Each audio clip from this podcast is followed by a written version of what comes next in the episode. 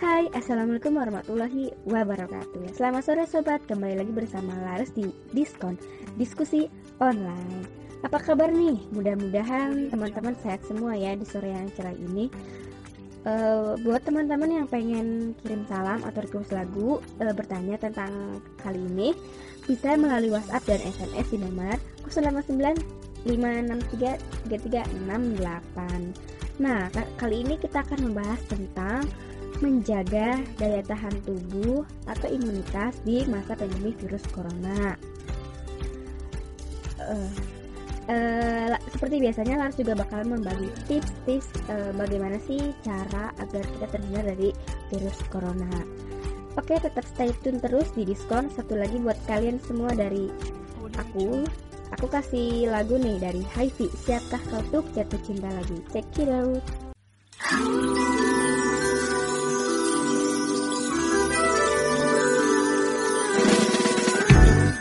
Ketika ku mendengar bahwa Kini kau tak lagi dengannya Dalam benakku timbul kenyang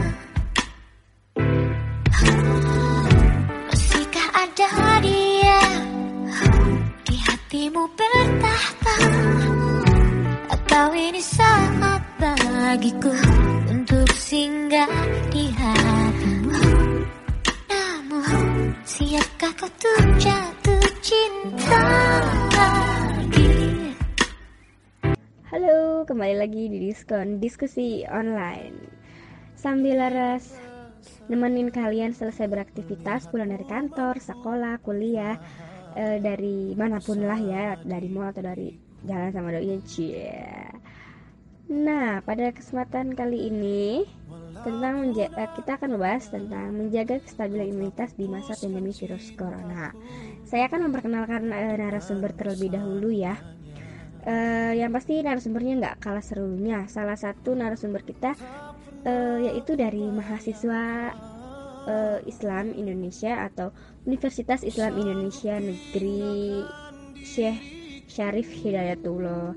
Nah, namanya Kak Tantri. Nah, Kak Tantri ini siapa? Kak Tantri ini adalah uh, salah satu mahasiswa di uh, Fakultas Kedokteran UIN Syekh Syarif Hidayatullah akan membagi pengalaman atau membagi informasi kepada teman-teman diskon yang ada di rumah. Nah, uh, sambil kita menunggu untuk teman-teman ngirim email uh, kalian bisa uh, bertanya-tanya ya kepada Kak Tantri mengenai uh, mengenai menjaga imunitas tubuh. Oke, okay?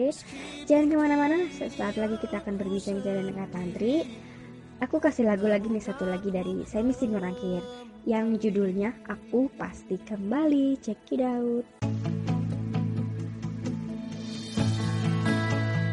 Ingin rasanya melihatmu mampu bertahan bersama diriku.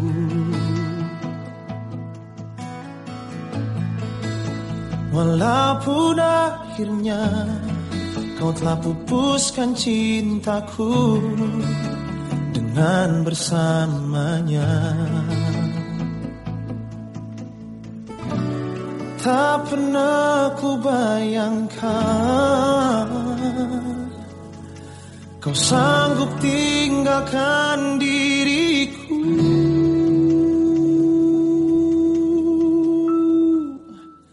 Ini aku Aku berdiri Untuk hadapi Segala pahit di hati coba untuk menangkan hati dan akhiri pedih. Lepaskan beban ini. Meskipun kini aku sendiri namun aku kembali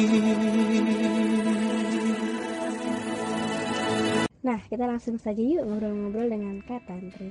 Halo Kak Tantri, gimana nih kabarnya? Pasti sehat dong ya. Oke, kita langsung saja yuk Kak. Uh, ke obrolan-obrolan seru pada kesempatan kali ini.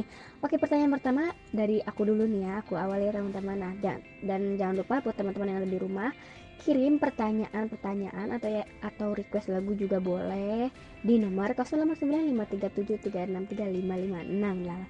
Nah, pertanyaan pertama datang dari aku nih Kak. Uh, seperti yang kita tahu bahwa di seluruh dunia ini semua negara mengalami uh, pandemi virus corona. Nah, sebenarnya apa sih virus corona nih?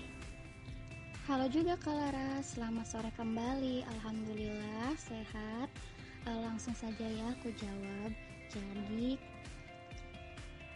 novel coronavirus merupakan virus penyebab penyakit saluran pernafasan, di mana virus ini masih satu keluarga dengan virus SARS dan MERS. Sedangkan COVID-19 atau biasa yang kita sebut coronavirus ini adalah penyakit yang disebabkan oleh coronavirus jenis baru. Oh, jadi seperti itu ya, Kak. Masih ada kaitannya sama virus MERS. Apa? Corona ini masih satu keluarga dengan virus MERS ya, Kak. Nah, oke okay, Kak. pertanyaan selanjutnya itu datang dari Tias di Indramayu. Pertanyaannya yaitu eh, apa sih Kak yang melatar belakangi munculnya virus corona? Eh, salam-salamnya buat teman-teman sobat diskon aja yang lagi di rumah yang lagi galau cia galau dan buat uh, Kalaras yang makin cantik aja tiap hari cie. Uh terima kasih. Nah oke okay, langsung saja dijawab oleh Kak Tantri. Iya kak benar. Jadi tuh masih ada kaitannya antara virus corona dengan virus MERS. Nah langsung aja aku jawab ya kak untuk pertanyaan kedua. Apa yang melatar belakangi virus ini muncul. Nah, jadi uh, untuk sejarah singkat terjadinya COVID-19 ini pada tanggal 31 Desember 2019 negara Tiongkok melaporkan kasus pneumonia atau penyakit radang paru yang tidak diketahui. Dalam tiga hari, pasien dengan kasus pneumonia ini meningkat drastis menjadi 44 pasien dan terus bertambah hingga ribuan kasus, hingga lebih dari satu juta kasus hari ini. Nah, setelah diteliti, kasus pneumonia ini disebabkan oleh infeksi coronavirus jenis beta coronavirus tipe baru yang diberi nama 2019 novel coronavirus oleh pemerintah setempat. Lalu pada tanggal 11 Februari 2020, WHO memberi nama virus baru ini dengan nama Severe Acute Respiratory Syndrome Coronavirus 2 dan untuk nama penyakitnya itu disebut Coronavirus Disease 2019 atau COVID-19 dan biasa yang kita kenal itu virus corona. Nah, untuk ukurannya sendiri setelah dilihat menggunakan mikroskop elektron Ukuran dari virus ini sangat kecil sekali, yaitu 100 sampai 150 nanometer, jauh lebih kecil dibandingkan bakteri. Awalnya coronavirus disebut dengan virus zoonotik, yaitu virus yang ditransmisikan dari hewan ke manusia. Namun setelah dikaji ulang, ternyata virus ini juga dapat menularkan dari manusia ke manusia yang lain sebagaimana yang telah kita ketahui saat ini. Nah, teman-teman jadi sudah paham kan ya uh, dari mana datangnya virus corona atau munculnya virus corona itu? Nah, buat Tias gimana nih? Sudah uh, tahu ya? Maksudnya sudah paham uh, awal munculnya virus corona ini. Nah, per selanjutnya pertanyaan dari aku lagi nih, Kak. Nah, sebenarnya siapa sih orang yang pertama menemukan bahwa atau men, men e, menyatakan bahwa virus ini adalah virus corona. E, dengar-dengar juga awalnya itu dari seorang dokter ya kak yang ada di Wuhan rumah sakit Wuhan. Nah itu siapa sih kak sebenarnya? Nah uh, untuk orang yang pertama kali uh, mengatakan bahwa ini tuh virus corona yaitu uh, dokter Aiven, dokter asal Wuhan Cina yang termasuk orang pertama kali melaporkan penemuan pasien terinfeksi virus corona atau COVID-19. Nah, untuk gejala yang ditimbulkan oleh uh, penyakit uh, virus corona ini, apabila virus sudah masuk ke dalam tubuh, maka dapat memunculkan gejala berupa demam, badan terasa lemas, menggigil, nyeri kepala, batuk, sesak nafas, hidung tersumbat, sakit tenggorokan, mual muntah, diare, dan nyeri otot. Nah, untuk setiap pasiennya ini memiliki gejala yang berbeda-beda, tergantung kondisi sistem imun dari masing-masing orang. Bahkan ada yang tidak bergejala sama sekali. Karena gejala yang ditimbulkan oleh virus corona maupun influenza ataupun penyakit lainnya relatif sama, maka sulit membedakan virus corona dengan penyakit lainnya hanya berdasarkan gejala. Oleh karena itu, diperlukan pemeriksaan lanjut yang lebih canggih, seperti dilakukannya tes swab untuk memastikan apakah orang tersebut terjangkit virus corona atau tidak. Aku mau ngejelasin sedikit nih kak, bagaimana virus corona dapat menular dari manusia ke manusia yang lain.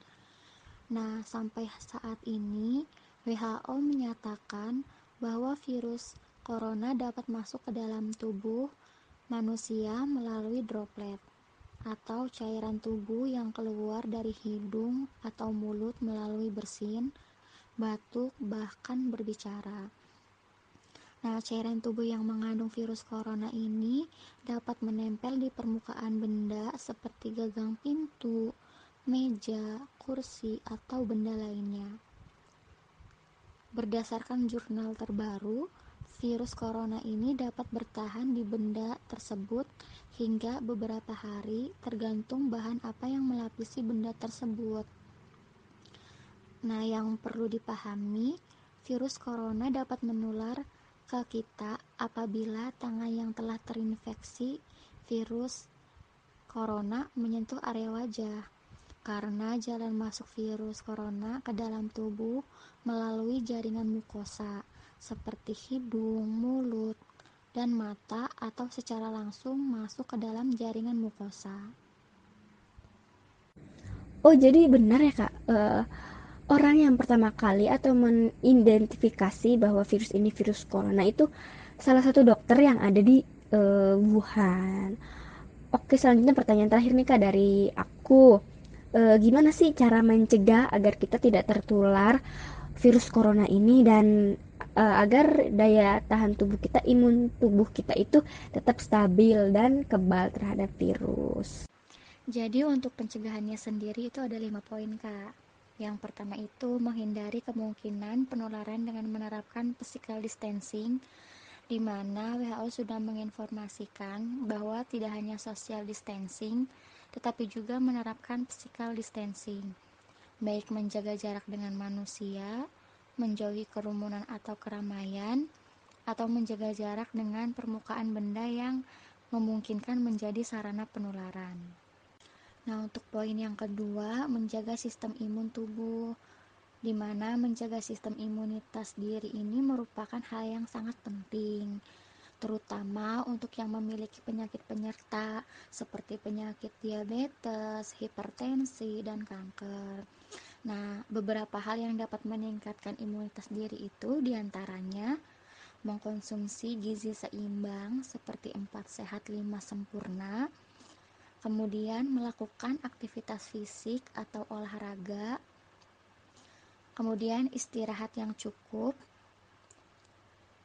meminum suplemen vitamin, tidak merokok, dan mengendalikan penyakit penyerta yang sudah saya jelaskan tadi.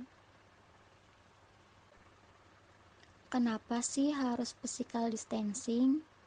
Karena virus corona ini menyebar dengan cepat. Orang dapat terinfeksi tanpa gejala apa pun, namun tetap dapat menyebarkan ke orang lain. Jika kita tidak melakukan upaya pencegahan dengan menghindari keramaian, jumlah orang yang terinfeksi akan meledak dan fasilitas layanan kesehatan akan kewalahan menanganinya. Nah, makanya physical distancing akan mengurangi laju penularan agar pasien yang terinfeksi dapat ditangani hingga sembuh. Nah, untuk poin yang ketiga ini menggunakan masker. Di mana presiden kita telah menghimbau kepada masyarakat yang hendak keluar rumah untuk menggunakan masker. Masker boleh dari bahan kain dengan syarat harus dicuci langsung setelah dipakai. Jadi jangan lupa ya buat teman-teman semua kalau mau keluar rumah jangan lupa pakai masker. Nah, jadi untuk poin keempat ini menerapkan etika batuk atau bersin yang benar, Kak. Contohnya tuh, apabila menggunakan tisu, tutup hidung dan mulut menggunakan tisu ketika batuk atau bersin, kemudian buang tisu yang telah dipakai ke dalam tempat sampah yang tertutup, lalu cuci tangan dengan benar menggunakan sabun atau hand rub berbasis alkohol.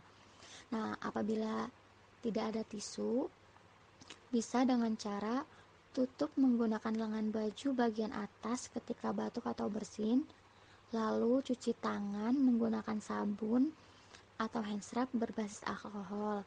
Nah, apabila uh, teman-teman semua sedang mengalami tidak enak badan seperti flu atau sedang batuk, jangan lupa memakai masker agar uh, tidak menularkan uh, virus atau bakteri ke orang lain. Nah, untuk poin kelima ini mencuci tangan. Cara mencuci tangan yang baik berdasarkan anjuran WHO itu ada enam langkah. Pastinya teman-teman semua sudah pada tahu kan eh, enam langkah cara mencuci tangan yang benar.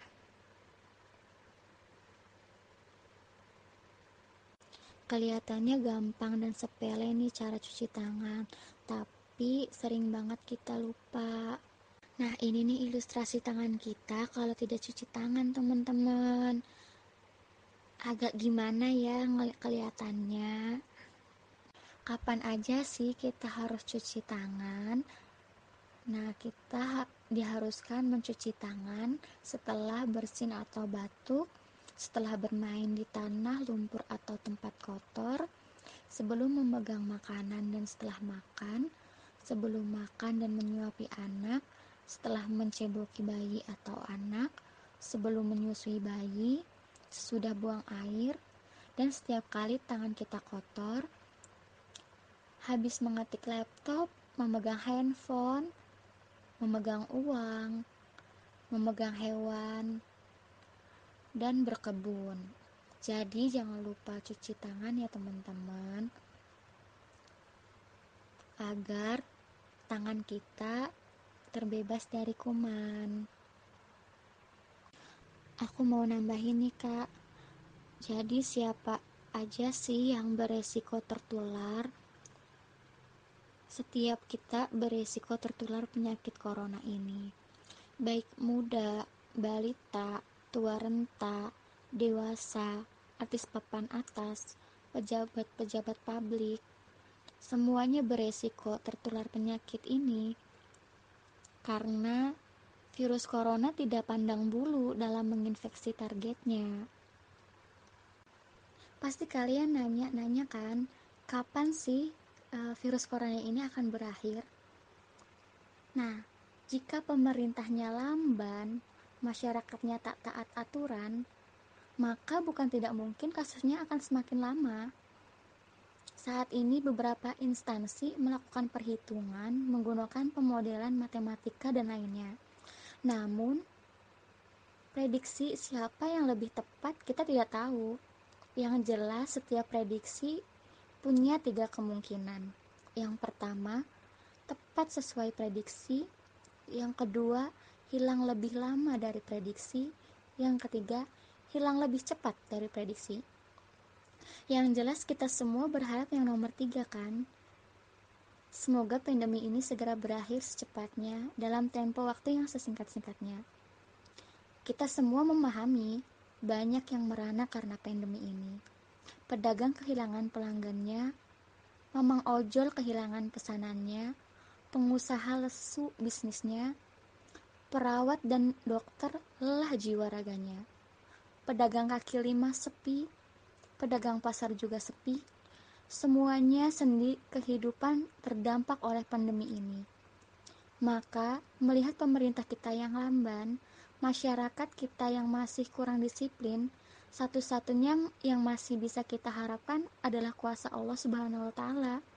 Sembari terus mengusahakan yang kita bisa lakukan. Setiap diri kita bertanggung jawab atas berhasil atau tidaknya perang melawan corona ini. Saya percaya bahwa generasi hari ini adalah generasi yang berpikir bagaimana untuk berdaya dan bekerja sama untuk menjadi orang yang produktif untuk memajukan bangsa dan negara ini dengan kreativitas yang kita miliki. Ucap Glenn Fredly. Termasuk menghadapi COVID-19 ini. Untuk kita mahasiswa secara keseluruhan, yang bisa kita lakukan saat ini adalah dengan bantu tangkal hoax tentang virus corona di keluarga masing-masing karena yang paling berbahaya saat ini adalah hoax yang menyebar di masyarakat tentang virus corona. Terapkan pencegahan virus corona yang sudah dijelaskan tadi. Untuk mahasiswa yang saat ini masih di perantauan, jangan mudik. Sayangi keluarga kalian di rumah. Kita tidak tahu apa yang menempel di dalam tubuh kita yang paling berbahaya yang menempel pada tubuh kita itu virus corona. Dan untuk mahasiswa yang sudah di kampung halaman, jika masih banyak masyarakat yang tidak peduli dengan virus corona ini, misalnya masih banyak yang keluyuran dengan tujuan yang tidak begitu diharuskan, masih banyak yang nongkrong-nongkrong dan sebagainya, Oleh sebab itu, peran kita di situ. Kita bisa beri edukasi mengenai virus corona kepada orang-orang terdekat kita. Terima kasih juga buat Kalaras yang udah ngajak aku sharing ke teman-teman lainnya mengenai wabah virus corona ini. Semoga teman-teman semua uh, dapat memahami apa yang udah saya jelaskan tadi ya. Dan mohon maaf ya teman-teman apabila ada kata-kata yang berbeda pendapat gitu atau ada salah kata salah ucapan yang saya omongin uh, karena saya masih sama-sama belajar juga di sini. Jadi intinya kita sharing aja. Dan uh, harapan saya semoga bumi ini lekas pulih seperti semula agar kita semua dapat beraktivitas seperti sedia kala. Amin. Wah sangat seru ya teman-teman uh, diskusi kali ini. Oke jangan ke mana-kemana dulu buat teman-teman harus bakalan kembali lagi uh, menyapa teman-teman. Oke tetap stay tune. 89.4 Diskon Radio, the best and funky radio. Terima kasih ya teman-teman uh, sudah satu jam selama satu jam ini Laras menemenin teman-teman yang ada di rumah Udah saatnya buat Laras pamit, tapi jangan takut. Besok bakalan kembali lagi di jam yang sama, oke? Okay? Sampai di sini dulu kebersamaan kita di diskon diskusi online. Ba maaf kalau ada salah-salah kata dan beberapa mengajukan pertanyaan eh, atau salam-salam yang belum sempat keputar atau sempat kebaca ya teman-teman bisa ada hari esok terima kasih untuk kebersamaannya saatnya Laras pamit Selamat sore, selamat beraktivitas. Stay tune terus di Diskon Radio. Sebelum Laras tutup kesempatan kali ini, Laras bakal kasih lagi satu lagu lagi dari Michael Jackson judulnya Heal the World. Bye. Uh, Assalamualaikum warahmatullahi wabarakatuh. Step tetap stay safe. Oke, okay, check it out.